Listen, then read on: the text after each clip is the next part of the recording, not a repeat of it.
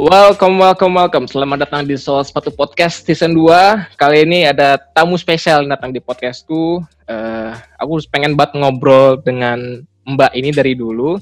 Uh, langsung perkenalkan saja. Ada Mbak Isti Daniswari. Halo Mbak Isti, selamat siang waktu Nunberg. Selamat siang. Mbak Isti gimana kabarnya sekarang? Apalagi sekarang lagi COVID. Semoga sehat keluarga semuanya. Alhamdulillah sih sehat semua sekeluarga ya. Oke Mbak, uh, sebenarnya tuh udah banyak sih yang eh, sesuai ngomongin kemarin ya kayak di WhatsApp kalau aku pengen ngundang Mbak Isti untuk di podcast ini ngomongin mengenai uh, eh, ITF sendiri dengan apa itu tren secara keseluruhan lah. Karena buat aku sendiri Mbak, aku sering ngisi kelas, sering ngisi seminar ataupun ngisi-ngisi tutor kepada teman-teman yang senang power design, selalu keluar pertanyaan tentang tren gitu. Dan aku okay. sih ketika ngomongin tren, yang paling gampangnya untuk menjelaskan kepada teman-teman yang baru tahu apa itu tren, apalagi tren forecasting ya, bahwa hmm. di global sering kalau umumnya didengar itu ada tren forecast tren forecaster kalian nyebutnya kayak WGSN gitu yang sering dipakai perusahaan-perusahaan. Hmm. Terus yeah. pada iya. nanya dong, kalau di Indo itu ada nggak sih mas? Gitu biasanya. Terus aku jawab oh ada. Namanya ITF Indonesian Trend Forecasting. Nah tapi sebelum masuk situ aku pengen perkenalkan dulu Mbak Isti ini ke audiensku nih. Mbak Isti Daniswari sekarang di Nunberg kalau boleh tahu uh, di sana berprofesi sebagai trend forecaster juga nggak Mbak? Sama kayak di Indonesia Ya sama, jadi sebenarnya kan basic education saya kan desain produk, tapi saya beberapa waktu sempat menjadi di Indonesia ya, hmm. sempat menjadi uh, apa namanya industrial designer buat brand Jepang di pabrik ya. Kemudian saya pindah ke Jerman juga saya masih berprofesi sebagai industrial designer, tapi terus kemudian saya menemukan jalan saya uh, untuk trend forecasting dan ternyata mungkin di situ jalan saya bagus ya. Ternyata hmm. apa yang saya forecast itu bagus. Saya kemudian uh, barulah uh, masuk ke Indonesia. Jadi memang saya memang awalnya dari sini memang sudah menjadi seorang trend forecaster. Ah, iya sih. Dan kalau aku kepo-kepo nih profil Mbak Isti yang brand itu Panasonic ya Mbak ya? Sempat jadi. Iya betul, betul. Ah, iya. Dan Mbak Isti ini uh, industri designer di ITB angkatan 88 bukan? Betul, betul. Oh iya. Mbak Isti lulus, saya baru lahir, Mbak. Aduh, ya ampun. Udah jangan kencang-kencang tolong. Oh iya, maaf, maaf. Maksudnya bercanda-bercanda. Iya, iya, iya. Uh, ternyata paham, bisa ya paham. Se sejauh itu apa ya? Uh, gap antara lulusan Mbak dengan saya ternyata kita bisa ketemu di di hal yang menarik nih masalah tren gitu. aku bahkan waktu dulu kita sempat juga kerja bareng sih waktu itu aku ngundang Mbak Isti untuk menjadi yeah. mentor dan pembicara kami di Power Forum yang mengenai tren juga sama bareng-bareng tim ITF lainnya ya ada Mbak Anu, ada Mas Kavin. Kita yeah, bikin yeah, yeah, kelas yeah. mengenai trend forecasting dan ada ada mentoring di sana gitu. Nah, di sini yeah seperti yang aku bilang di awal tadi di podcast ini aku pengen ngulik lebih banyak. Sebenarnya aku dinyiapin banyak banget concern mengenai tren itu sendiri, Mbak. Jadi okay. sepemahamanku ya ketika ada yang menanya, "Mas atau Bang, tren itu apa sih?" gitu. Aku selalu bilang tren itu sesuatu yang apa ya, hasil dari akumulasi beberapa variabel akhirnya menjadi sebuah tren gitu. Dan banyak hal yang masih agak susah aku jelaskan kepada teman-teman yang pengen tahu mengenai tren. Nah, menurut Mbak Isti sendiri, tren itu definisinya seperti apa sih, Mbak? Uh, tren itu sebenarnya ada dua konteks ya. Ada konteks pertama yang populer banget nih, yang diketahui orang yang kita baca di majalah-majalah itu konteksnya ke fashion ya. Hmm. Itu yang kita paham ya, yang katanya, nah itu sebenarnya konteks fashion itu lebih ke gaya. Jadi ya ini trennya 60-an, 70-an, 80-an, ah, iya. Uh. Gatsby. Nah, itu sebenarnya konteksnya uh, konteks gaya dan itu sifatnya adalah sementara ya, temporary dan uh, sebentar ya. Nah, uh, nah, nah tapi sebenarnya uh, tren dalam uh, pengertian dasarnya itu adalah uh, arah perubahan uh, dari apa namanya arah perubahan mm-hmm. uh, kecenderungan yang diakibatkan oleh perubahan mindset atau pikiran gitu ya, yang mm. merubah uh, apa gaya hidup, selera dan uh, apa namanya cara berpikir uh, umat manusia dan itu berlangsung secara uh, evolusi ya lama dan terus menerus. Jadi tren itu sebenarnya berhubungan satu dengan yang lainnya itu sebuah sebuah cerita yang panjang yang terus berlangsung. Nah, yang yang di mana posisi tren ini apakah itu berbeda tidak? Jadi yang disebut sebagai um, tren yang dalam konteks fashion itu itu adalah gaya-gaya yang uh, apa namanya yang keluar di di setiap apa di setiap proses itu dia ada kayak semacam apanya ya letupan-letupannya itulah yang oh ini hmm. mengingatkan kita pada gaya 70-an ini ya gitu. Makanya orang bilang tren itu kembali enggak sebenarnya linear gitu linear tapi juga sebenarnya uh, enggak enggak garis lurus juga ya jadi kayak semacam uh, apa sih dia tuh uh, berjalan tuh tapi juga tiba-tiba ada di setiap masa tuh ada kayak letupan-letupan yang membuat ada semacam gaya-gaya tertentu gitu tapi bukan bukannya sekedar uh, ini ya bukannya sekedar gaya sebenarnya hmm. tren itu jadi ke mana-mana sebenarnya ke uh, apa namanya ada misalnya dipengaruhi oleh teknologi ada hmm. dipengaruhi oleh uh, urusan uh, apa namanya uh, politik, ek, uh, kemudian ada ada kejadian ekonomi. Nah itu ber, mengenai siapa masyarakat atau kelompok masyarakat yang mana. Nah mereka itu karakternya seperti bagaimana. Nah di situlah kita akan melihat kira-kira nanti di masa itu reaksinya seperti apa. Nah itulah yang disebut trend forecasting, prediksi tren. So, akan hmm. menjadi seperti apa gitu. Jadi tren itu memang bisa dibaca. Nah itulah pekerjaan uh, trend forecaster adalah jadi kita tuh sebenarnya seperti navigation system ya, seperti GPS system, menunjukkan hmm. arah aja. Kita ngelihat oh ini arahnya ke kanan, ke kiri gitu. Aku waktu kuliah juga pernah uh, diajarin sebentar sama almarhum Pak Irfan Numan.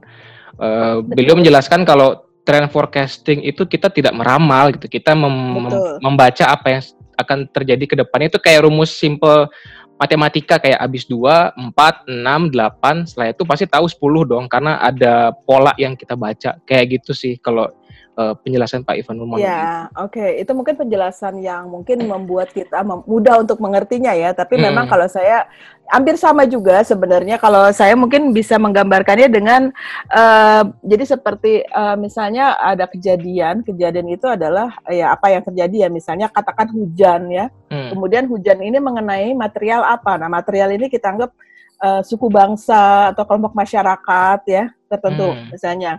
Jadi ada adakah suku bangsa yang misalnya sifatnya seperti daun, seperti busa, seperti kayu, seperti um, ah. itu. Jadi bagaimana si air hujan tuh mengenai si uh, itu. Jadi kemudian si air hujan itu kenanya ke mana? Oh ke daun. Oh kalau ke daun dia nanti uh, akan akan jatuh airnya, tapi juga akan menimbulkan seperti apa gelembung-gelembung air di atasnya daun, ya hmm, kan?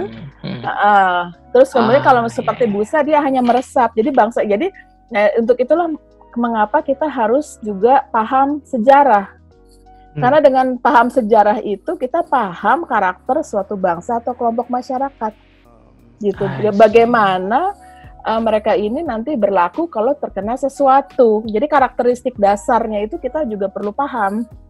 Selain hmm. kita juga perlu paham uh, mengenai kejadian-kejadian yang ada di dunia ini. Jadi kalau A kena kena apa? kena B bagaimana jadinya gitu loh A kena C bagaimana jadi nah sekarang yang lagi kena nih siapa nah ini arahnya ke mana itulah tren Wah, ini gitu. analogi yang sangat bagus.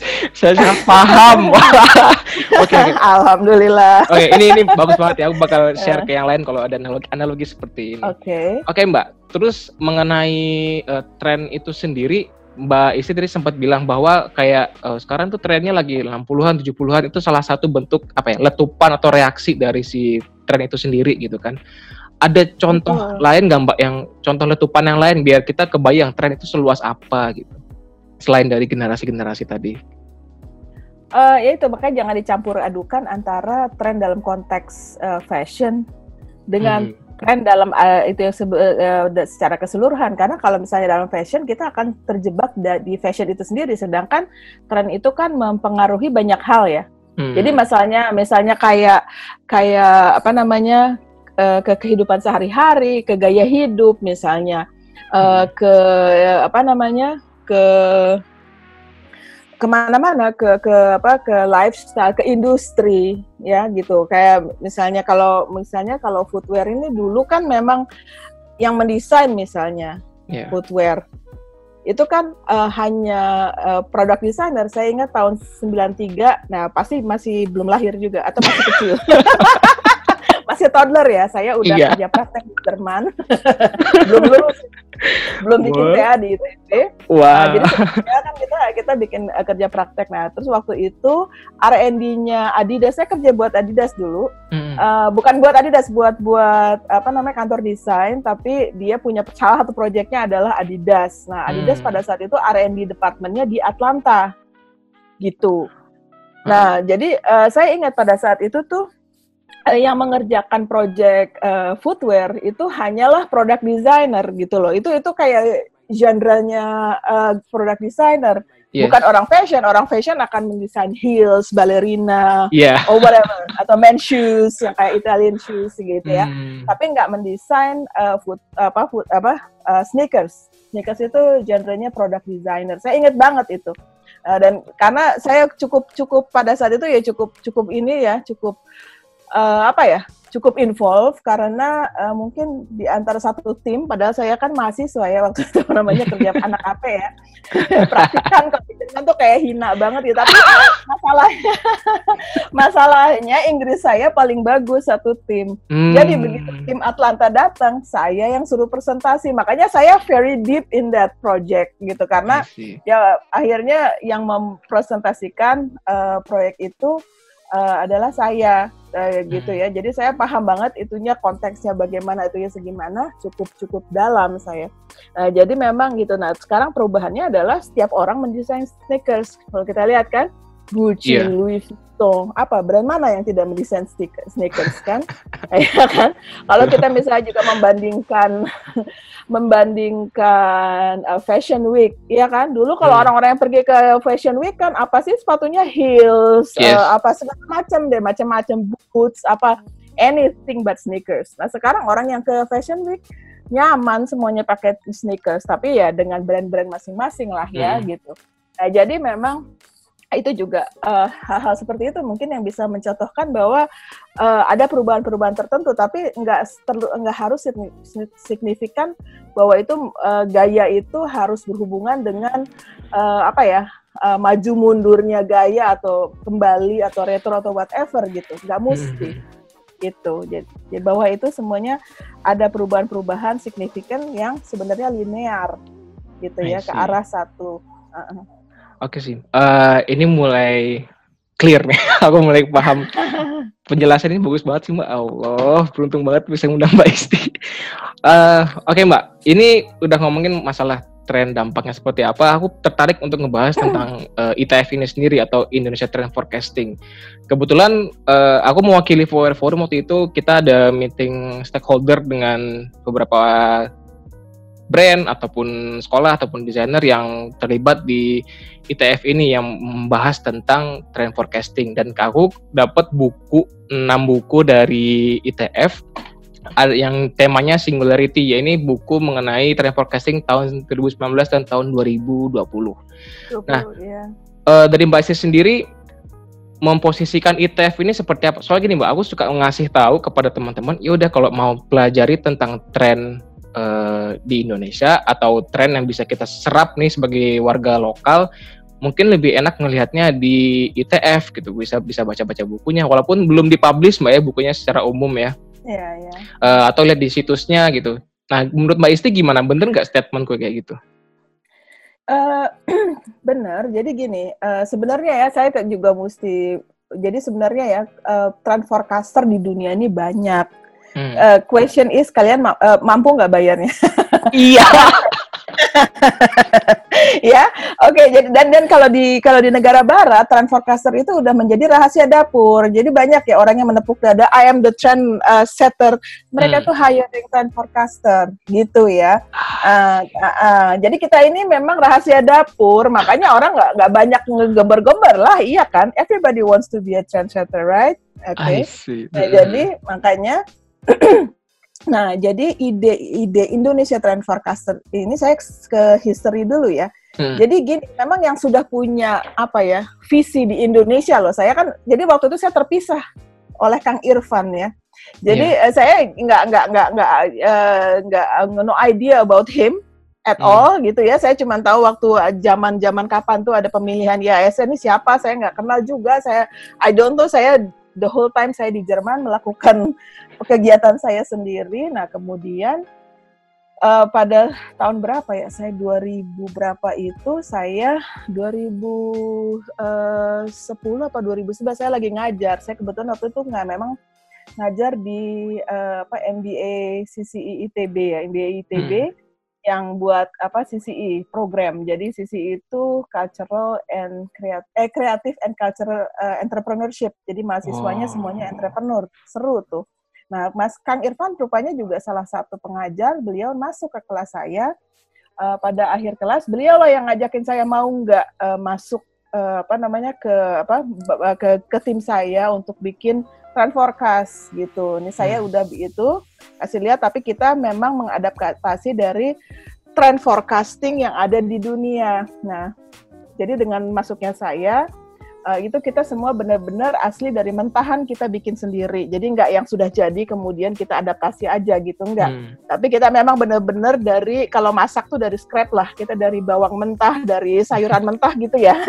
kalau ini udah ada masakannya ditambahin bumbu dikit supaya dicocokin sama selera ah, iya, iya. selera iya. mana gitu ya. Oke. Okay. Nah, terus Oke, okay, di situlah uh, di situlah saya masuk dan itu buku pertama saya yang bernama Virtual Lux, Virtual Luxury pada itu ya untuk untuk uh, tahun 2013 tapi kita launchnya 2012 di sebuah seminar di Jakarta di JHCC. Hmm. Oke. Okay. Nah, jadi sebenarnya tapi bibit-bibit itu sebenarnya jadi kesamaan visi sama ya. Jadi Kang Irfan tuh melihat ke saya, oh ini ini potensi itu langsung dia mengapproach karena terus oh kamu juga ini ya gitu ya. Hmm. Uh, tapi beliau sendiri saya nggak tahu uh, apa namanya serupanya sudah membangun bibit-bibitnya itu kalau saya lihat di sini sudah dari 2008 2008. Jadi beliau tuh sudah menyebut-nyebut uh, yang namanya trend forecast buat Indonesia karena memang kita tuh punya visi yang sama di mana kenapa uh, bangsa kita tuh kayak ya, cepet banget sih mengadaptasi tren ya. Kalau misalnya ada hmm. tren apa ya, itu pasti langsung yang wah, tas apa tuh pasti duluan beli segala macam ya. Tapi industri kreatif kita itu terlambat, ya kan? Karena oh, sudah iya. tren baru kita bikin, ya kan? Iya, iya betul betul. Ah, gitu. Nah, itu juga sama itu visinya. Makanya kita begitu ketemu, begitu ngobrol langsung klop karena sama ya kita tuh butuh trend forecast gitu kan uh, gitu. Tapi ya untuk mengenalkan Practical Candidates susah. Nah kemudian uh, di situ dia uh, mungkin me, uh, almarhum Pak Irfan tuh mencabut-cabut ya. Jadi ada Individuals Community Association Design Studio. Dia bikin itu pokoknya kita inilah berusaha menanamkan uh, Transforecast di Indonesia. Saya belum masuk waktu itu, saya baru masuk 2010-an. Hmm. Nah, kemudian pada tahun 2014 itulah lahirlah yang disebut Indonesia Trend Forecasting. Hmm. Itu juga penggagasnya tentu saja almarhum Pak Irfan ya dan beberapa teman-teman dari APPMI. Jadi uh, fashion ya memang yang adapter pertama kita memang waktu itu yang pertama kali menyambut memang uh, fashion karena orang-orang fashion yang sadar duluan kita perlu trend forecast nih. Yeah. Karena mungkin ada beberapa dari orang fashion udah tahu, wah ada packlers nih. Satu isu packlers mungkin harganya harganya itu sekitar 10.000 euro ya. Wow. Iya. Pertama kali saya berkolaborasi dengan BDA satu buku dua ratus lima puluh ribu. Itu juga kalau orang hmm. pergi ke Senin ada palsuannya tujuh puluh lima ribu. Serius mbak ada? Serius ada tanya sama mbak. Kita juga ngakak-ngakak ya udahlah amal jariah lah gitu ya. okay, ya okay. jadi jadi kan kan perbedaannya tuh immense sekali antara 10 hmm. ribu euro itu berapa kira-kira 150 juta satu yes. eksemplar dengan kita yang 250 ribu rupiah saja. Jadi kan sebenarnya uh, itu apa ya kalau dipikir orang mau di Eropa bayar segitu banyak, nah di Indonesia tuh kadang-kadang ya itu dua ribu aja dipalsu. Oke kita ya ketawa aja sih ya ya udahlah ya gitu. Ya tapi ya kita juga mesti paham juga ya mungkin kayak ma buat mahasiswa mahasiswa gitu ya banyak juga yang oh iya ya mahal juga ya dua puluh ribu tapi kan pengen punya. Udahlah udahlah kita ya di Indonesia kadang-kadang hakim masih susah memang. Ya jadi gitulah jadi nah ITF sendiri itu apa sebenarnya? Nah ini jadi kalau misalnya sekarang kita uh, ini kalau sekarang kita definisikan itu adalah tim riset dan pengembangan kolaboratif yang terdiri dari para ahli, praktisi, dan akademisi berpengalaman di industri kreatif Indonesia. Jadi ini sebuah tim multidisipliner hmm. uh, yang memiliki exposure baik itu lokal dan internasional. Kita sama-sama mempelajari uh, konsepnya ya, fenomena-fenomena pada beragam budaya, bangsa, dan kelompok masyarakat, lalu menganalisanya dari berbagai bidang keilmuan untuk melihat arah perkembangan pola berpikir yang menjadi penyebab perubahan tren. Begitu kira-kira ya, uh, trend forecasting. Jadi memang kita hampir sebenarnya kalau konsepnya almarhum Pak Irfan ini adalah uh, apa ya, uh, semacam uh, kreatif uh, crowd platform gitu ya. Nah, jadi ya memang kita memang bentuknya masih seperti itu sampai ada ada apa bentuknya masih seperti itu jadi semacam komunitas sebenarnya. Kita ini komunitas jadi kita menyatukan beberapa entitas gitu. Yeah. Jadi jadi anggota ITF sendiri banyak yang anggota dari berbagai macam organisasi. Ada yang dari ADPI, ada dari HDI, HDMI dan lain sebagainya gitu. Hmm. Yang tekstil, yang mana. Jadi memang kita memang berusaha itu karena untuk memperkaya supaya kita bisa menerapkannya dari uh, berbagai bidang kreatif di Indonesia. Gitu. Oh, I see. Waktu aku dapat bukunya pun sama waktu tahu pertama kali tentang ITF selalu disandingkan dengan logo Backcraft nih Mbak. Aku pengen tanya deh, apakah dulu karena selalu disandingkan dengan logo Backcraft ya ITF ini, aku mikirnya oh ini pemerintah lagi bikin nih tentang trend forecast nih Begitu nggak Mbak? Atau emang sebelumnya apakah emang pernah kerjasama dengan Backcraft atau jadi bawahnya, tanda kutip bawahnya Backcraft atau gimana? Jadi memang begini, uh, jadi kita tuh kayak, kayak semacam kemitraan sih. Jadi mitranya hmm. Backcraft lah untuk menjalankan program. Backcraft punya program yang namanya ya trend forecasting. Nah ITF sendiri sudah ada sebelum Backcraft ada ya.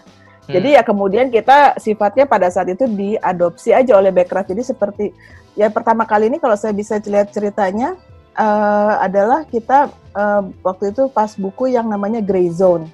Nah, Grey Zone itu juga setelah meninggalnya Kang Irfan, uh, marhum itu meninggal, terus mungkin juga uh, kita kan selama selama sebelumnya adalah bukunya diterbitkan oleh BDA Design ya. Yeah. Kemudian uh, almarhum uh, Kang Irfan meninggal, terus mungkin ada semacam reorganisasi atau apa sehingga terus kita jadi lepas dari situ gitu ya. Hmm. uh, lepas dari BDA akhirnya mandirilah bersama dengan uh, apa Tri Anugrah ya udah diterbitkan anu ya dia yang yang ya Mbak kita terus aja karena kita lagi lagi proses tengah jalan nih gimana nih gitu kan.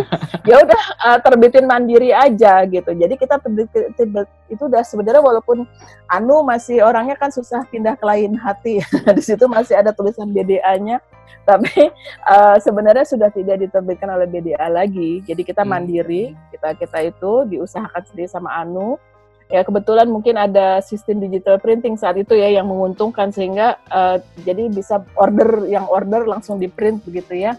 Oh, jadi, okay, okay. kita perjuangan banget itu. Uh, kemudian datanglah mozaik menawarkan kita untuk bikin uh, stand-stand di acara mozaik dan kita terima dengan senang hati. Terus kita juga menggabungkan teman-teman. Nah di situlah mulai masuknya teman-teman dari interior design, mulai-mulai masuk. Kemudian waktu itu juga kita menggandeng John Martono untuk membuat salah satu pavilion. Jadi kita diberi empat stand gitu ya untuk mewakili uh, tema-tema tren kita. Setelah itu ya Pak Triawan Munaf juga sempat datang ke stand kita saat itu. Kemudian uh, saat itulah berproses kita backcraft uh, backcraft uh, ini jadi kita masuk ke dalam uh, kemit apa kita masuklah ke dalam timnya Backcraft gitu ya. Hmm. Jadi kayak kita tuh sebenarnya diadopsi lah oleh Backcraft begitu ya. Kita sendiri bukan pegawai Backcraft tapi kita kayak komunitas orang-orang kreatif. Nah dari itu mulai si buku Grey Zone ini mulai dibikin eh, buku-buku uh, turunannya yang disebut decoding. Jadi ke hmm. dalam uh, empat bidang kreatif tapi lima buku jadinya karena satu beda bidang kreatif uh, fashion itu dua ada yang ready to wear dan yang modest wear modest itu yang pakai hijab. Mm. Kemudian ada interior design, ada product design, ada textile design. Jadi ada lima buku turunannya itu yang pertama diterbitkan oleh Backcraft. gitu. Nah, singularity the next the next one itu yang terlahir dengan Backcraft ya karena Backcraftnya juga sekarang sudah masuk lagi Iya. uh, reorganisasi ke dilebur Kementerian lagi. Iya sudah dilebur lagi tapi de- dengan Backcraft yang terakhir itu benar-benar yang complete dari zero sampai dari hulu ke hilirnya dibuat oleh Backcraft eh, bersama Backcraft ya. Hmm. Jadi dari buku uh, Impulse yang tulisan saya, yang Singularity itu memang dari saya semua, dibantu Hmm. dengan tim uh, yang dipimpin oleh Anu untuk untuk ini lah ya buat uh, apa grafik dan lain sebagainya. Kemudian buku-buku turunannya oleh uh, kelima tim tersebut yang disebut decoding ya, uh, uh, gitu. Itu tapi be- benar-benar yang complete set yang dibuat bersama Backcraft gitu. Dan bukunya ini yang aku dapat ada enam nih. Ada eh, buku singularity-nya ada enam jenis buku. Ada Iya. ready, to, ready to wear, ada modest wear, ada product design, ada textile and prints, ada impulse dan interior Iya. design dan decoration. Iya, Ini jadi memang buku utamanya tuh Impulse. ya impulse. Ah, Ini yang Impulse. Simpulannya Mbak berarti ya buku si impulse-nya ini. ya? Bukan, Impulse itu buku buku hulunya, Oh, I see. Iya berarti yang product design, modest wear itu adalah turunannya. eh, turunannya. I see. Mm-mm. Mm-mm. Iya, Dan- jadi ini Gimana, Mbak? mereka yang punya tugas untuk uh, memasukkan dalam konteks Indonesia. Jadi Hmm. kalau saya ini tren secara umum, secara umum ini arahnya ke sini, jadi kayak semacam guide ini arah nih mau ke sini. Nah kemudian mereka menerjemahkannya dalam konteks Indonesia itulah yang dan dalam dalam keempat bid- eh, keempat bidang kreatif tersebut gitu. Hmm, kalau ini balik aku pengen bahas yang Backcraft tadi. Alhamdulillah sih soalnya ketika tahu nih Backcraft dilebur lagi nih ke pariwisata, terus aku bertanya-tanya ITF hilang nggak ya? Berarti enggak dong Mbak ya, masih ada dong ya? Enggak, itu masih ada dan malah kita sebenarnya eh, apa sih namanya kita berniat untuk membuat eh, kelembagaan. Sebenarnya kita ingin menjadi lembaga yang mandiri sebenarnya. Jadi memang Impal dari dulu udah ada. Jadi sebelum ada Backcraft, kita juga Hmm. Kemenparekraf yang dulu kita se- Iya, malah dulu ada dua buku ya sebelum Backcraft yang eh, diadaptasi dalam eh, apa namanya dalam eh, Indonesia Fashion Week. Jadi kita Hmm. bikin eh, fashion show tersendiri waktu itu dapat sponsor dan sebagainya.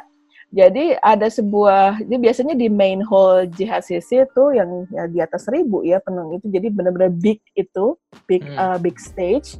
Kita bikin uh, trend uh, namanya trend fashion show oleh Indonesia Fashion Week dulu. Jadi itu du- dua buku itu kita yang namanya Rehabitat dan uh, Resistance gitu tahun kemudian ya. Nah, Kemudian APPMI pecah. Ah, ya itulah saya nggak ngerti masalahnya orang fashion, saya bukan orang fashion. Oke lah, tapi terus akhirnya kemudian eh, kaminya sendiri juga mungkin eh, setelah resistance itu kan juga ya itu dengan dengan apa namanya kita menjadi mandiri eh, pas ya buku impulsa menjadi mandiri ya itulah itu eh, gelora gelora industri kreatif Indonesia ya Betul seru ini. ceritanya. Seru. Tapi Dan- ya itu penting will to survive-nya itu Oke deh. Tapi sampai Hmm. sekarang masih belum ada eh, bu- buat teman-teman yang pengen mengakses bukunya sampai sekarang ada udah mulai dipublish nggak Mbak atau gimana cara dapetin bukunya nih buat belum jadi gini waktu selama bukunya bukunya itu masih di, di apa diterbitkan oleh Backcraft ya Hmm. eh, diterbitkan oleh Backcraft itu memang Backcraft itu kan kayak gini eh, untuk membuat buku-buku trend forecast itu kan dibiayai oleh APBN ya kan Oh. APBN kan nggak boleh diperjualbelikan, iya kan? Jadi hanya bisa, nah tapi kan dana juga terbatas, jadi kan nggak bisa setiap orang diberikan free. Jadi syaratnya adalah kalau ikut acara Trend Forecast kami akan dibagikan secara gratis para pesertanya gitu kan. Jadi kan Hmm. APBN juga nggak bisa dong disawer-sawer sembarangan. gitu. nah tapi kalau ada yang pengen bukunya, eh, juga mungkin Backcraft juga nggak punya masalah saya rasa karena mereka sendiri juga sedang reorganisasi untuk masuk ke Kemenparekraf dan lagi pula buku itu juga eh, ini ya apa namanya sudah Pak mereka juga paham bahwa industri kre- kreatif Indonesia masih membutuhkannya. Nanti bisa dihubungi ke Mbak Anu ya mungkin bisa eh, apa namanya mungkin eh, ada kemungkinan untuk eh, bisa di print atau bagaimana silahkan hubungin ke eh, ibu ibu Anu atau Tri Anugrah mungkin nanti bisa uh, bisa diorganisasi lah. Mungkin dari footwear forum kalau misalnya perlu berapa buku itu nanti bisa. Kalau masih ada sisanya sih bisa diberikan dengan gratis. Tapi mungkin kalau itu mungkin dicetakin lagi dengan biaya cetak aja sih ganti gitu ya. Hmm. Ada hmm. rencana mau bikin digital booknya nggak mbak? Lihat mau ini saya.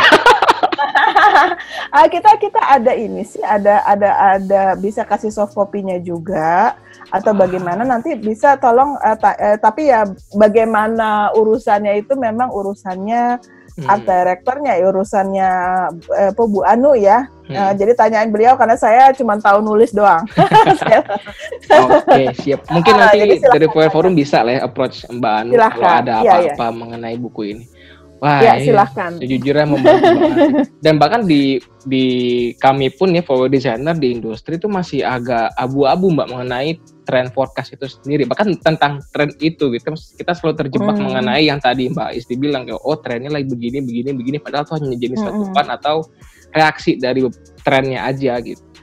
Nah, yeah. kalau ngomongin uh, tren itu sendiri mbak. Aku selalu apa ya masih agak susah meng, mengidentifikasikan kata ketika kita desainer nih di Indonesia market Indonesia terus kita pengen se, se, sebagai brand ini ya pengen bikin trendsetter atau bikin tren khusus untuk lokal market gitu.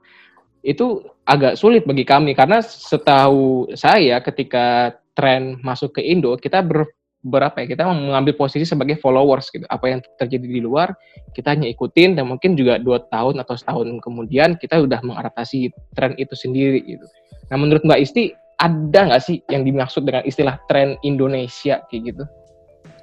Jadi memang emang sih itu udah sempet uh, beberapa ini di jadi itu memang uh, sebenarnya memang tugasnya dari tim-tim decoding untuk menyesuaikannya dengan mindset Indonesia ya itu pertama. Hmm. Tapi kedua juga kita harus paham bahwa uh, apa itu juga tim decoding itu juga semua semuanya segala semuanya masih masih baru ya. Jadi memang kita memang masih belajar bersama lah. Hmm. Nah tapi kalau mungkin secara apa ya, secara kasar saya bisa bisa berikan prediksi bahwa maksudnya ini sering kita bicarakan. Jadi mungkin kalau jadi tren secara global itu sebenarnya sama arahnya, bergeraknya tuh sama, gitu ya. Hmm. Cuman uh, apa namanya untuk setiap daerah, re, region, region dan uh, negara maupun masyarakat itu uh, penyerapannya itu ada ada ada perbedaan waktunya, hmm. gitu.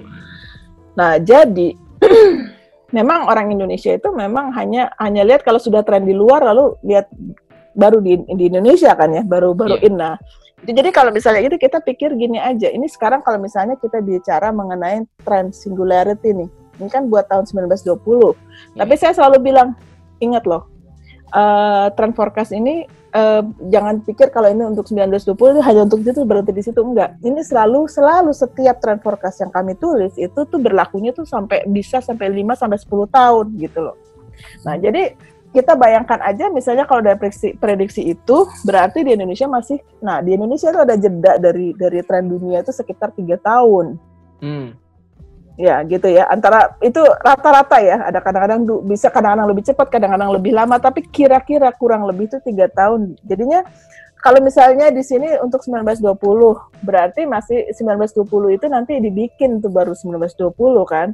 Jadi yeah. kira-kira misalnya akan menjadi tren tuh kira-kira 2021 2022 ya karena di Indonesia tambah tiga oh. tahun lagi. Gitu. Atau misalnya kadang-kadang ya gitu. Jadi memang kita uh, apa namanya jadi jadi kesempatan ini uh, sebenarnya kesempatan bagi industri kreatif Indonesia kalau oh ini untuk 2020 punya waktu kita lebih banyak lebih banyak beberapa tahun ya mungkin satu dua tahun lah katakan ya mm. untuk mengolahnya sehingga masuk ke dalam mindset Indonesia gitu. Oh iya, iya ya. Hmm gitu. Jadi jadi sebenarnya kita punya jadi, jadi memang ada misalnya tren Indonesia itu iya karena memang harus orang Indonesia tuh harus ada sesuatu yang sangat ya misalnya uh, apa ya uh, harus harus harus sama sih sebenarnya di semua negara ya kayak kayak ada harus kita merasa ada familiar familiarnya apa nih baru kita kuncinya kena nah itu sebenarnya tugasnya decoding gitu ya. Hmm. Gitu. Nah, itu ya kita masih mencari formulanya sebenarnya untuk mendekutnya itu bagaimana nih. Karena sebenarnya kalau misalnya bisa begitu orang Indonesia dilempar tuh bisa di translator gitu. Hmm. Nah, yang ada tuh translator Indonesia. Nah, itu karena dia adapter kedua sebenarnya dari translator yang ada di dunia kan. Bukan iya. adapter pertama. Mm -mm.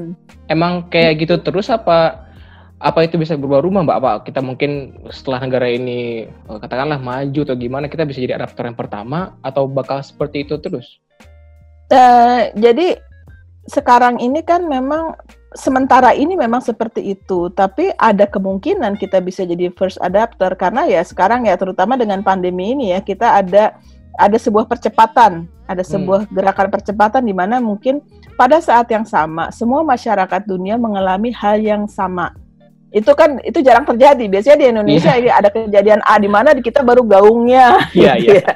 Ini enggak, kita sama semuanya. Kita sama, kita punya ketakutan yang sama, kita punya depresi yang sama ya. Uh, hmm. Jadi kita tuh sebenarnya punya uh, mengalami makanya kan kalau di nah tapi reaksi-reaksi dari depresi ini beda. Kalau orang Indonesia begitu dilonggarin langsung rame-rame ke kafe terus langsung selfie selfie lupa social distancing ya. Kalau di sini kalau di sini memang ada yang kayak gitu tapi mereka ya teriak-teriak terus uh, sama pemerintah dibilang iya kamu mau mau teriak-teriak anti pakai masker boleh tapi jangan di kota ya di sana di lapangan. Ya. mereka pergi ke situ di situ nggak ngaco. ya. Iya, ya udahlah tapi pokoknya boleh teriak ya boleh di situ gitu ya. Jadi jadi tetap ya karena mereka juga eh, nggak uh, mau dibilang uh, apa mereka sebagai apa namanya uh, orang yang melukai ini orang ya. Demokrasinya hmm. mungkin sudah lebih uh, lebih dipahami bahwa ada bedanya antara demokrasi dan anarki Hmm, Oke, okay. iya Uh, dan juga ya mungkin juga edukasi masyarakatnya dan jangan lupa Jerman isinya cuma 80 juta di Indonesia iya. 50 juta, ya kan? Kita, kita juga lagi. iya, kita nggak bisa. Saya sebagai orang Indonesia tentu saja tap, apa nggak terima ya kalau dibilang kita bangsanya lebih bagaimana bagaimana, tapi juga uh, memang ada fakta-fakta yang harus kita ungkapkan gitu ya. hmm. ya. Uh, dan memang yaitu permasalahan Indonesia adalah permasalahan suku bangsa, ras agama, kemudian juga uh, permasalahan uh, apa namanya? permasalahan dari uh, banyaknya penduduk yang susah banget ya. Jadi kita memang ya Jerman isinya cuma 80 juta dan cenderung homogen. Nah, kita kan banyak banget ya hmm. ya kan. ya, tapi ya gitu juga mungkin kita juga bisa belajar bahwa walaupun kita tidak homogen, tapi kalau kita tertib, kita nurut, itu tetap aja bisa kita bisa selamat gitu.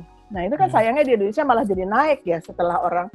Jadi kadang-kadang kalau kita yang di Jerman ini suka berpikir, wah ini kok mengingatkan kita pada uh, Spanish flu ya yang tahun iya. 1918 itu ada second itu. Aduh mudah-mudahan jangan sih ya. Aduh, jangan tapi uh, jangan ya jangan ya. Uh, makanya tapi kita takut jadinya ngelihat angka-angka di Indonesia yang tiba-tiba membesar hmm. jadi takut ya. Kita apalagi kita yang jauh ya. Kita kan punya sanak saudara semua di Indonesia ya. Ya, ya saking ya, kita, kita sih, letihnya sudah mulai keluar ini hanya konspirasi. Dan that's aduh Oke Mbak, untuk um, tadi aku mulai kebayang sih pas Mbak Isti bilang yang untuk contoh kasus COVID gini ya, ternyata tuh per daerah pun resapannya beda-beda gitu Mbak ya. Ketika tadi Mbak analogikan bahwa tren ini sebagai kayak air terus jatuh ke material apa gitu, resapannya kan beda-beda. Yeah. Ketika ngomongin global, kita ngomongin paling resapan berbeda-beda itu per negara atau per benua misalkan. Nah di Indo sendiri tuh udah banyak banget Mbak jenisnya gitu. Gimana kita me kategorikan desain eh atau sorry tren itu masuk ke Indo padahal resapan kita tuh beda-beda juga jenisnya dalam negara ini gitu. Apakah bisa kita mengklaim oh ini tren Indo tahun sekian atau tren bakal terjadi di Indo padahal kita beda banget tiap daerah gitu. Iya. Uh, apa namanya? Jadi kita memang bisa membaca misalnya secara ini ya, misalnya kayak ada kita ya punya punya. Jadi sebenarnya kalau kita contohnya dalam fashion aja ya, kita punya hmm. ya ready to wear dan fashion uh, dan dan uh, sorry ready to wear dan uh, modest fashion ya kan hmm. Ya ada dua cara berpakaian berpakaian yang sangat berbeda antara yang peng, pemakai hijab ya hijab juga masih banyak lagi uh, klasifikasinya ada yang syari, ada yang enggak, ada yang jilbab hmm. cantik, whatever ya. Hmm. Uh, terus uh, masih banyak lagi klasifikasinya. Tapi itu oke okay lah tutup uh, yang apa pakai tutup kepala dan tidak. Kita bisa bisa bisa ini kan dua dua hal itu ya pakai tutup kepala dan tidak.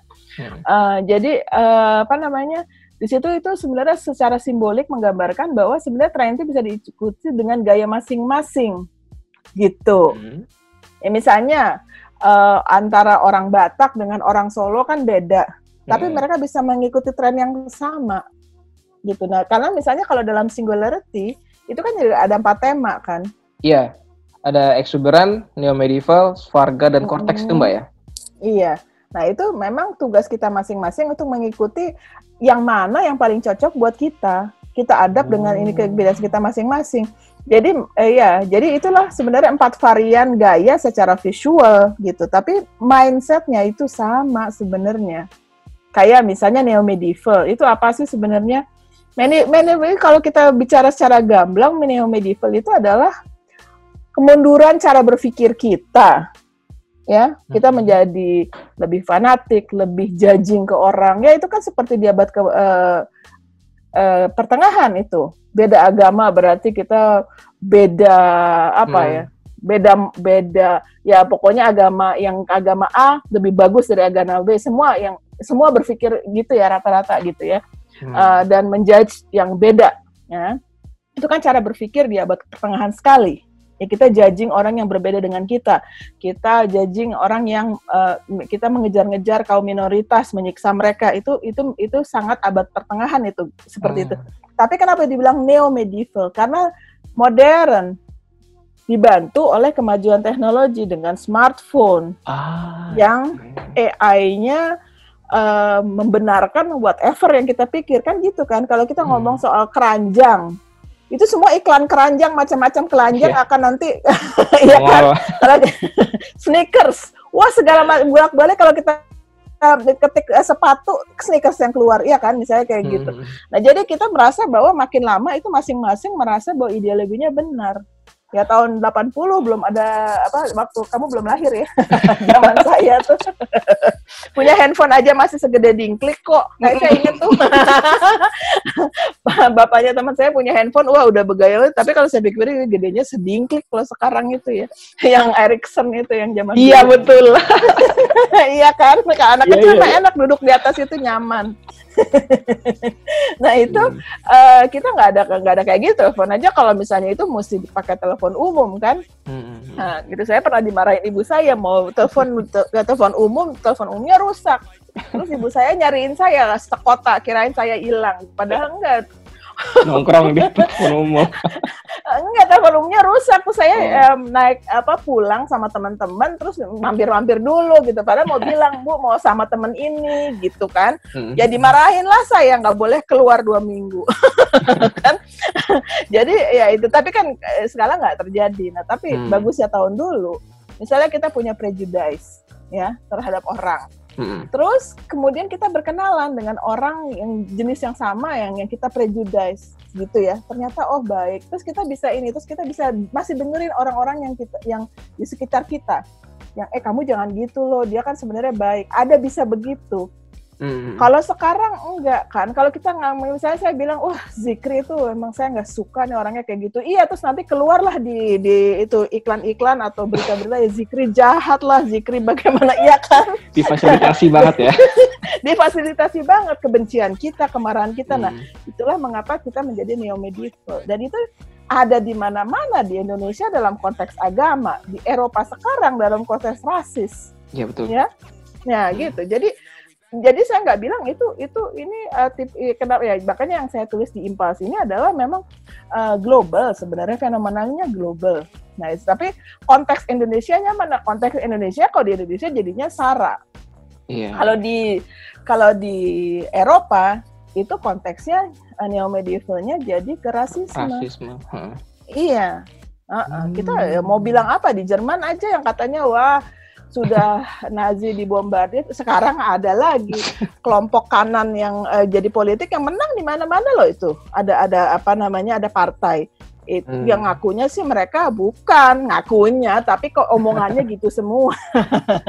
iya kan. Jadi uh, apa sih namanya uh, ke, jadi kecenderungannya itu sama, cuma adaptasinya berbeda-beda, baik dari waktunya maupun dari uh, gayanya lagi kembali lagi ke gayanya itu, gitu.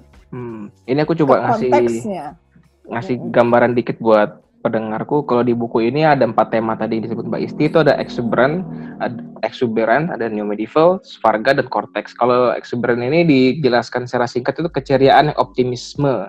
Terus new medieval ini romantisme abad pertengahan. Svarga itu keindahan spiritual dan cortex itu paradoks kecerdasan artifisial.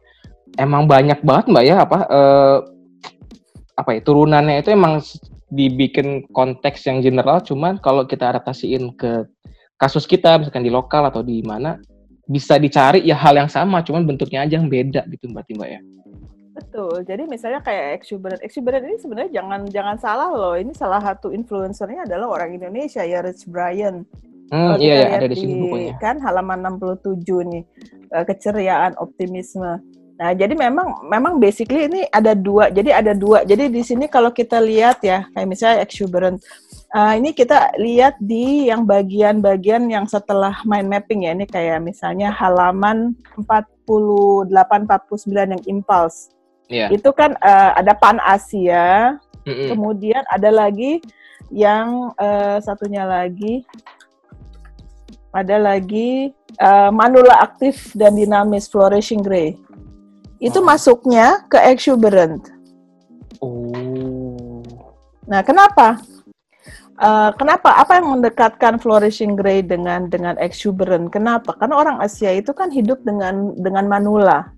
Tapi iya. Manula sekarang itu jangan dipikir kayak nenek-nenek zaman nenek saya. Iya. nenek-nenek sekarang, kakek-kakek sekarang itu nenek-nenek kakek-kakek aktif, iya kan? Hmm. Ya kalau misalnya dibilang nenek-nenek, teman-teman SMP saya banyak yang menikah lebih muda dari saya. Saya menikah umur juga. 26 tahun udah pada punya cucu, iya kan? Tapi kalau ngelihat wajahnya itu jauh dari image nenek, cantik, keren hmm, gitu ya, iya, iya. stylish sportif, ya, masih liburan, masih main ski, masih ya masih masih main snowboard ya. Naik gaul Jadi, gitu lah ya. iya kan yang anak muda juga belum tentu uh, masih itu kan masih naik sepeda gitu masih masih running 10k gitu. Kalau ya kalau saya mah enggak kali ya saya saya mah juara rebahan lah ya tapi teman-teman seangkatan saya teman-teman jangan salah gitu ya. Hmm. nah, jadi jadi memang uh, ya itulah yang menyebabkan ya itu kenapa kenapa kita ada exuberant ya itu karakternya sama riang positif uh, high tech ya kayak teman-teman saya yang runner bahkan setiap hari itu comparing siapa nih yang paling di tiap ada yang angkatannya masing-masing, ada yang jurusannya masing-masing, ada yang per kantor, itu kan yang Nike Sport itu kan. Hmm. Nah, siapa nih yang runningnya paling banyak, siapa itu mereka sampai kayak begitu ya sangat attached dengan high tech, sangat uh, sangat senang dengan alat-alat bantu kayak di rumah punya Roomba, apa robot vacuum cleaner itu ah, iya, dan lain iya. sebagainya. Jadi emang ada kesamaan karakter di situlah kita buat jadi sebuah tema. Ya, jadi faktornya tuh banyak gitu. Hmm. Faktornya banyak yang membuat satu tema. Jadi kalau kenapa kita bikin secara itu visualnya aja, tapi sebagai desainer sebaiknya membaca uh, membaca uh, apa namanya prosesnya sebelum menjadi tema. Hmm. Dasar-dasar pemikiran yang ada di sini. Nah, di situlah yang kita kemudian dengan tema itu kita memilih masing-masing mana yang paling cocok dengan gaya kita. Gitu. Tapi oh. semuanya itu ada ya tema itu terjadi karena ada beberapa latar belakang uh, apa namanya ada beberapa latar belakang story itu cerita yang membuat dia menjadi sebuah tema. Tapi ada beberapa story dan situlah yang kita tulis dalam driversnya ini kan yang A B C D E F G itu. Iya iya. Yang uh, Oh, berarti apa ya? Walaupun ini senangkapku ketika kayak aku nih udah punya akses buku dari Mbak Isti atau dari ITF mengenai yeah. tren dijelaskan dengan detail tetap harus menganalisa kira-kira di mana yang cocok untuk kita gitu. Jadi ketika ada orang yang tahu, oh misalkan ada trend forecaster yang mengeluarkan output, kita nggak bisa telan mentah-mentah gitu aja dong berarti ya. Kita harus me, apa ya menganalisa mana yang bisa kita pakai atau mana yang bisa kita adaptasi Betul. Mana kita, kita harus harus kita sesuaikan ya implementasinya dengan apa dengan SWOT kita sendiri gitu ya. Jadi apakah misalnya uh, katakan Zikri membuat sneakers itu handmade atau yang apa mass production kayak Yadi atau hmm. teman-teman dari Footwear uh, itu ya. Uh, itu kan ada konteksnya berbeda-beda ya kalau dengan dengan misalnya kalau uh, kalau handmade yang ada kan uh, sneakers yeah. handmade yang satu persatu bikinnya kan kita bisa lebih eksklusif dong materialnya bisa pakai macam-macam. Bisa pakai milea bisa pakai batik bisa pakai tenun bisa pakai whatever ya. Uh, bisa pakai serat-serat apa gitu. Nah terus uh, mungkin uh, tapi kalau orang seperti ya dia, dia akan mikir uh, uh, apa konteks industrial Nah, itu yeah. juga itu juga uh, berarti dia nanti tinggal milih oh cocoknya yang ini atau malah kalau orang seperti Yadi mungkin bisa ambil empat empat temanya karena untuk empat empat jenis uh, konsumen yang berbeda misalnya. Hmm. Tapi jangan salah dari setiap empat tema ini juga kan masih kita masih ada subtema lagi. Itu emphasizing hal-hal yang berbeda gitu loh. Jadi turunannya tuh dalam satu tema tuh sebenarnya banyak gitu. Yeah, yeah, yeah. Ah, oke oke. Uh, berarti gini, apakah benar kalau kalau gitu nggak ada dong istilah tren Indonesia, nggak ada dong istilah tren uh, Jepang itu adanya ya dampak dari tren terhadap sebuah negara atau sebuah kelompok gitu dong mbak ya. Ya, jadi kalau misalnya ada ada ya kalau kita misalnya konteksnya K-pop gitu ya, itu ya ya itu kan K-pop, ya kan. Hmm. Tapi misalnya tren Jepang dan lain ya ada tren negeri Jepang, mungkin ya itu selaranya orang Jepang ke arahnya situ gitu. Uh, tapi mungkin uh, juga misalnya kayak kayak tren Jepang atau apa sebenarnya kan kalau kita ngomong tren itu hampir sama sebenarnya orang Jepang lagi senang apa itu hampir sama sebenarnya. Cuman yang berbeda itu adalah gayanya. Ya kan ada kayak hmm. misalnya itu yang sebenarnya di Indonesia itu sedang kita semua sedang mencari what is Indonesian design. Jadi gaya desain Indonesia, rupa desain Indonesia khas Indonesia itu apa? Karena sebenarnya Indonesia ini kan melting pot Iya kan? Uh, iya betul. Pulaunya aja ada 17 ribu, budayanya aja ada, bahasanya aja ada berapa? Budayanya ada ratusan kan? 700 kalau nggak salah ya budaya, apa 600 budaya kita. Banyak lah pokoknya, uh, gitu kan. Jadi dan masing-masing punya story-nya sendiri-sendiri, punya uh, sejarahnya sendiri-sendiri, punya pengaruhnya sendiri-sendiri. Nah, hmm. jadi um, apakah desain Indonesia yang sampai sekarang kita memang masih belum menemukan, tapi ada beberapa guidelines di Indonesia yang berkaitan misalnya kita bisa melihat mungkin dari gaya uh, kecenderungan gaya dari kaula muda Indonesia kalau uh, mungkin uh, apa Gen Z-nya Indonesia lah katakan. Hmm. Gen Z kan ini sekarang semakin dewasa ya, sudah mulai 20-an, yeah. 23. Nah, ini kita bisa bisa lihat kira-kira apa. Nah, itu pergerakan Gen Z ini ya kan kita bisa oh karakteristiknya Gen Z ini. Nah di situlah kita akan mungkin suatu hari bisa mendapatkan uh, apa namanya uh, desain Indonesia karena begini semakin lama kita tuh ma masyarakat dunia itu semakin uh, apa ya semakin menyatu kayak ini ya kita hmm. dalam pandemi ini kan tiba-tiba kita semua semuanya sama nih pengalamannya experience feelingnya kita sama ya kita jadi di rumah aja tiba-tiba ya kalau di Indonesia tiba eh, tiba-tiba jadi pada rajin masak kalau di Jerman jadi pada rajin bikin roti ya sama iya. masak-masak Iya, sampai uh, apa namanya sama-sama ngalamin uh, kehabisan masker lah di Indonesia hmm. masalahnya masalah ini di Jerman masalahnya memang gak ada banget gitu. Uh, jadi memang banyak-banyak uh, hal yang kita mengalami semua tuh kita mengalami hal yang sama. Nah ini jadi kita akan bisa bayangin suatu hari saya yakin ada bisa gitu karena mungkin mindset manusia itu semakin dekat sebenarnya. Hmm. Walaupun di media sosial terkadang ya itu karena kecenderungan satu dan lain hal kita memang bisa menjadi berbeda dan bisa jadi wah musuhan banget gitu ya. oh, padahal ya makanya uh, padahal sih sebenarnya ya sama-sama aja gitu ya. Terus juga mungkin misalnya kayak masalah politik di Indonesia ya kan setelah setelah pemilu yang ba baik dia pemilih yang menang maupun uh, pemilih yang kalah uh, semuanya cari makan ya masing-masing juga ya kan? Ya terus hmm. yang kan uh, jadi nggak relevan lagi kita. Jadi jadi perbedaan-perbedaan ini makin makin nggak penting sebenarnya. Tapi mungkin arah yang bisa kita lihat persatuannya makin banyak. Yaitu karena mungkin uh, sisi positif ya dari dari pandemi ini adalah menyatukan umat manusia. Yeah. Kita sama-sama susah, kita sama-sama uh, industri kreatif itu sama-sama terkapar, ya semuanya gitu di seluruh dunia, di Jerman juga. Nah, cuman Jerman punya keuntungan mungkin karena itu penduduknya hmm. sedikit dan dananya sudah ada, ya dananya memang sudah sudah ini sehingga kita mungkin sampai tahun 2022 Jerman masih bisa lah kasih makan industri kreatif ya dikasih dikasih sumbangan asal mereka. Dan tapi ya itu pendataan industri kreatifnya juga sudah jelas di sini. Hmm. jadi lebih mudah. Jadi kalau teman saya yang punya restoran di Berlin juga cerita ya itu cuma tiga hari kok dia langsung dapat transfer berapa ribu euro gitu. Jadi membantu dalam bulan kemarin gitu ya.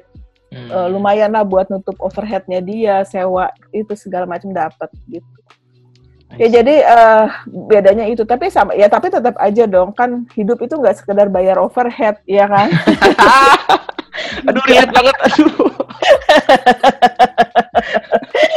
tetap susah juga gitu dah gitu. Jadi tapi kan ya semua dalam konteksnya masing-masing tepar ya kan. Nah, hmm. Nah gitu nah jadi nah tapi jadi uh, kalau kita lihat yang dulunya ada jeda antara uh, penyerapan tren ini hmm. sekarang kita tiba-tiba di ini pada titik yang sama. Makanya kita, saya uh, kita di ITF bikin trend talk yang kita sebut uh, apa humankind in reset. Kita ini di reset.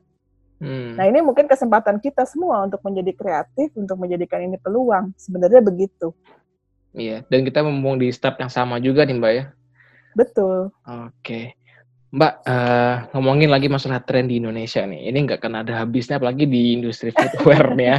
Uh, ketika beberapa tahun yang lalu ya, uh, di Indonesia ini sempat naik nih, kayak campaign di sepatu itu kayak uh, apa ya, local pride, local pride dan sebagainya. Gitu menjadi seolah-olah seperti tren yang sedang naik kalau kita nih sebagai bangsa Indo lagi mulainya gencar-gencarnya mencintai produk lokal gitu.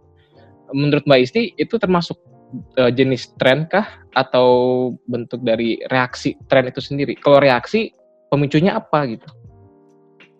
Ya, kalau misalnya reaksi sih kalau di Indonesia jelas ya kita uh, mungkin uh, banyak di di apa namanya di masyarakat kita. Jadi kalau itu ya kita mungkin saya membahasnya itu di buku yang bernama Tradition Revolution itu tahun berapa ya? Sebentar. Gak punya. itu jauh-jauh dulu. Itu memang itu makanya saya bilang ada ada penyerapannya tuh gap. Gapnya hmm. tuh berapa tahun ya? Ini, ini saya juga mesti lihat uh, ini ya, mesti lihat ini saya sendiri saya juga lupa nih buku buku apa tahun berapa sebentar saya lihat nih Tradition Revolution kita membahas soal itu memang tentang pride kita terhadap uh, ini kita sendiri itu Trend Forecast 2014 hmm, itu diterbitkan oh, uh, tahun 2013. Jadi kita menganggap bahwa kultur itu sesuatu yang positif. Hmm. Nih, uh, Jakarta Tradition Revolution describe the world after the doomsday did not happen. The rush to grab luxury had made global brands itu, terhadap itu the fact. Ya, jadi uh, jadi orang menyadari bahwa uh, apa namanya ternyata kultur kita tuh mewah ya kan kayak misalnya kita melihat uh, batik kita diadaptasi hmm. oleh brand dunia ya tiba-tiba Hermes mengeluarkan itu seperti apa tableware itu seperti uh, ikat uh, hmm. pokoknya kayak gitulah kita lihat loh kan ini ada juga di kita kemudian banyak banyak banyak oh itu batik kita diakui sama bangsa lain uh, apa segala terus yang ya itu sayangnya di kita kesadaran mengenai itu terlambat. Nah, jadi mungkin itu sebenarnya impact-nya sudah diramalkan dari tahun 2014. Tapi kan ya, jadi kamu bener kan? jadi di Indonesia itu sayangnya adaptasinya lambat. Setelah sadar, diambil, setelah diambil-ambil, diadaptasi oleh orang lain, kita, eh itu kan punya gue, gitu, balikin. jadi memang sebenarnya itu memang tren global, cuman kita menyerapnya telat gitu aja. Kita hmm. sadarnya telat. Uh -uh. Karena kita setelah dipakai-pakai orang, baru kita, oh kan gue juga punya nih gitu.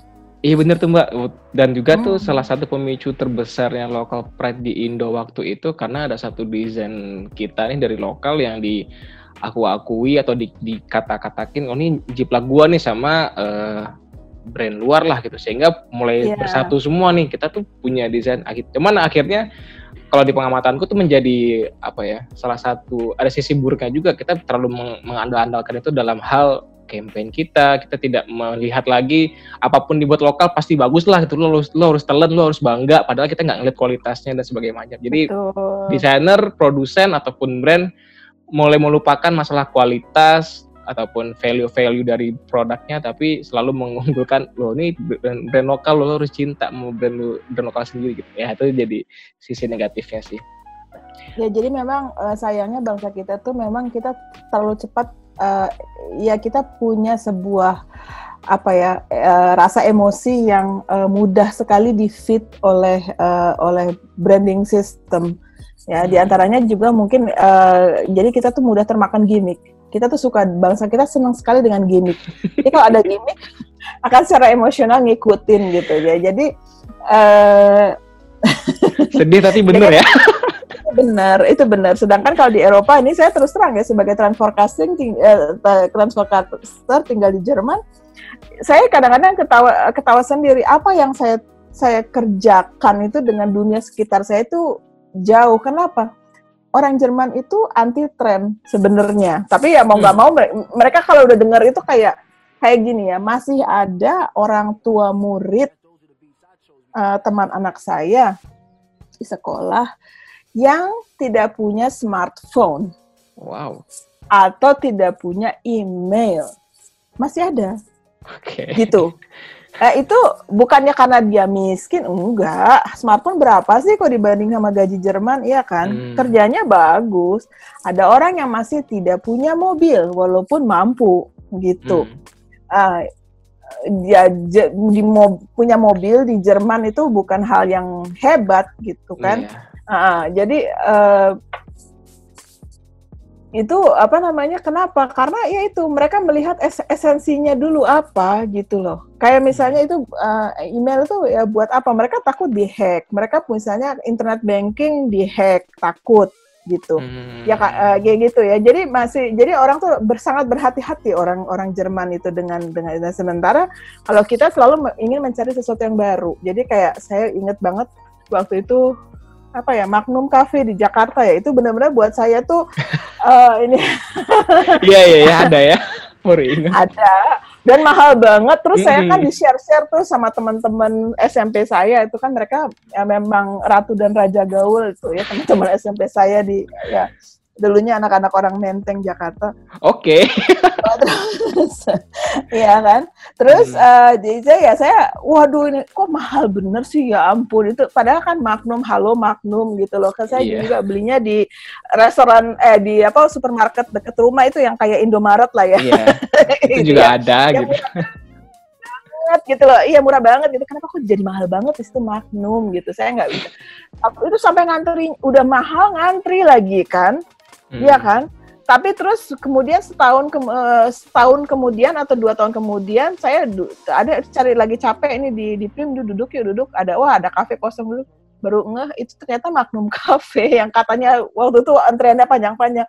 Jadi cepat sekali berubah pindah Jadi ke hal lain hati itu seneng banget sama hal kayak gitu ya ada sesuatu yang ya gimmick tuh gimmick. kemakan banget sih ya. kita mulai ya. dari kuliner apa kayak dulu ada es kepal Milo lah semuanya Betul. jadi pengen es kepal Milo boba apalagi Betul. di ranah uh, sneakers atau di fashion sih itu sangat apa pun yang lagi hype istilahnya itu ya mereka semua nggak mau ketinggalan banget eh walaupun uh, kita nggak bisa menggeneralisir juga semua orang kayak gitu tapi apa yang terlihat di lapangan itu sangat-sangat terjadi sih kita kita gitu. bicara soal average average hmm. average cara yang yang jadi kita ngomong fakta ya gini kita tidak menjudge ini bangsa saya juga saya juga hmm. hati-hati hmm. kalau bicara soal itu di sini ya Hmm. Saya juga nggak mau bangsa saya di, dianggap seperti apa ya. Hmm. Tapi kita membicarakan fakta, fakta bahwa memang gimmick itu di Indonesia memegang peranan penting. Ya itu, yang yang tadi itu materialnya apa? Ada daun, ada ada busa, ada besi, hmm. ada. Kita tuh masuk yang mana gitu? Kita masuk karakter yang mana? Nah itulah yang yang yang kita sebut sebagai trend forecast. Jadi kalau misalnya bangsa, misalnya bangsa penggemar gimmick ini kena A, nanti dia akan bagaimana, ya kan? Nah yeah, gitu. Yeah, yeah uh, eh kayak gitu. Jadi memang memang iya uh, apa namanya bangsa kita akan akan mudah mudah mudah gitu. Jadi memang buat buat advertising, buat buat orang yang itu ya kayak misalnya kita ngomong soal toko Louis Vuitton. Iya. Yeah. Gitu ya. Di Paris toko Louis Vuitton tuh ada berapa? Tahu nggak? Dikit ya. Ada tiga paling. ya. ya. Yang katanya di Jakarta ada kata fashion ya. Itu iya, ada tiga kali ya. Saya tuh waktu itu saya pernah nulis nih, jadi saya nggak bisa tapi perbedaannya jauh loh dengan di Jakarta. Jakarta saya hitungin di mall apa aja. Sampai saya ngitungin, saya mudik tuh saya ngitungin mall apa aja yang ada Louis Vuittonnya. Itu tuh kalau nggak salah ada lima atau lebih dari lima. Di, di, di Parisnya sendiri cuma tiga. Padahal seluruh dunia pergi ke Paris pengen beli Louis Vuitton. Iya ya, kan? Betul. Jadi kenapa di Jakarta bisa ada? Padahal kalau kalau kita beli Louis Vuitton di Jakarta dan di di Paris itu kan harganya jauh ya. Kenapa kenapa turis-turis pada hujan-hujan aja pada ngantinya panjang banget itu di Paris. Betul. Betul. Karena er, lebih murah kan dari misalnya dari negaranya dia gitu. Tapi sekarang hmm. yang lebih murah dari eh yang lebih mahal dari negara asalnya aja yang katanya di negara berkembang itu kok bisa ada lima butiknya. Iya kan? Hmm. Kenapa? Karena masyarakat kita konsumsi sekali, jadi mudah terkena gimmick. Iya betul. Gitu. Bahkan di nah. contohnya di uh, industri sepatu pun waktu itu ada brand Kompas yang apa ya brand lama tapi lagi rebranding terus mereka mengeluarkan gimmick yang sangat kuat ya kayak limited shoes atau di dibungkus dengan cerita yang menarik orang sampai rela ngantri seakan-akan itu ya brand luar negeri yang hype banget itu padahal itu ya brand lokal gitu. betul. gitu mereka iya, betul. apa ya, kita cenderung mengamini gimmick itu sih dan kita ikut menselebrasikan gimmick itu dalam mindset kita juga jadinya Oke. Okay, hmm. Jadi Ini... itulah yang kita bisa jadikan bas.